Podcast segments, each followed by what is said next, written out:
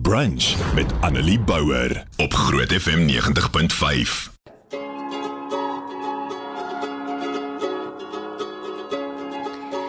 Vandag gaan ons bietjie gesels oor dankbaarheid en ek het Saterdag op my program gepraat oor oom Freddie Blom wat op 116 oorlede is die naweek.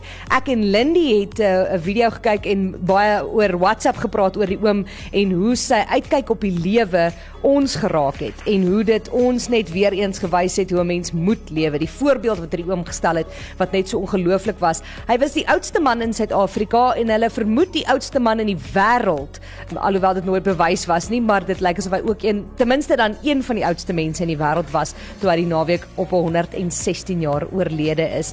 En dit het my net weer eens laat besef hoe ek my lewe moet aanpas. Want oom Freddie het 'n lewe van dankbaarheid gelewe. Luister net hier, wat het oom Freddie op 115 gesê laas jaar toe hulle met hom gepraat het voor Covid nog? Nou my plig. Nou, soos ek nou hier sit. Dis toch net voor die baas, die koning, sê dankie God. Hy gee elke dag, geef me iets. Ek kan hem nie betaal nie. Ek wil nie geen. Net hy dankie. Sjoe, dit gee my hoendervleis. So as jy dit mooi kon hoor nie, uh, oom Freddie het op 115 gesê, sy plig is om vir die koning te sê dankie God. Hy sê hy gee elke dag vir my iets en ek kan hom nie betaal nie. Hy wil niks hê nie, net daai dankie. En dit is 'n lewe van dankbaarheid lewe, 'n voorbeeld wat oom Freddie baie mooi gestel het. En hy het 116 jaar oud geword en ek het bietjie gaan kyk wat sê die wetenskap oor dit.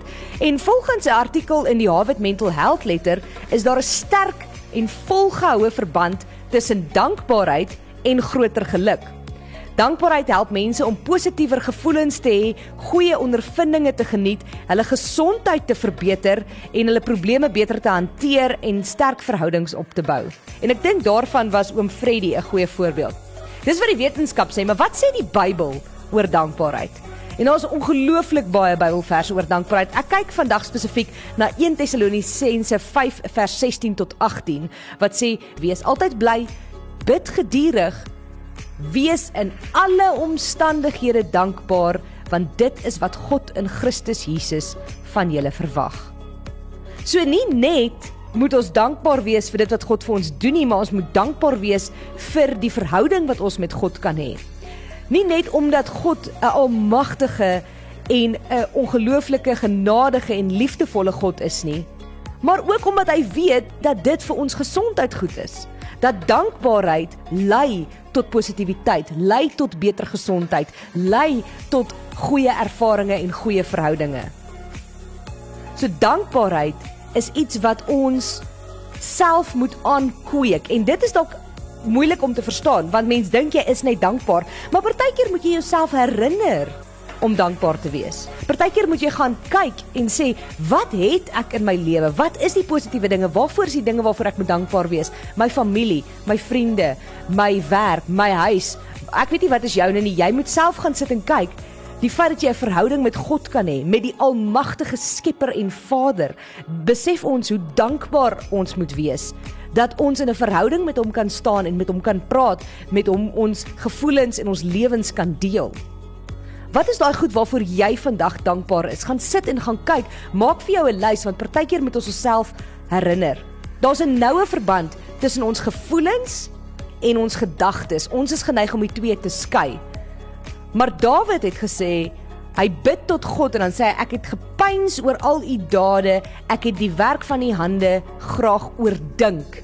Want dit wat ons dink kan die manier wat ons lewe, dit wat ons voel beïnvloed.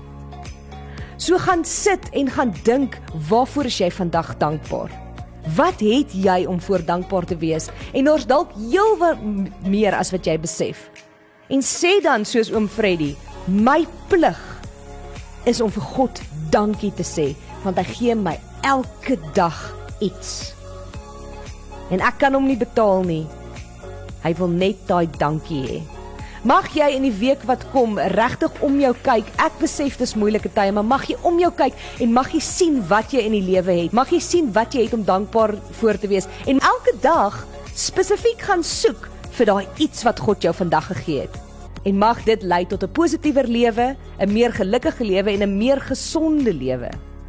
Om dankbaarheid te toon het so baie voordele fisies, verstandelik en emosioneel dat almal dit deel van hulle daaglikse lewe behoort te maak. Annelie Bouwer, weekoggend tussen 9 en 12 op Groot FM 90.5.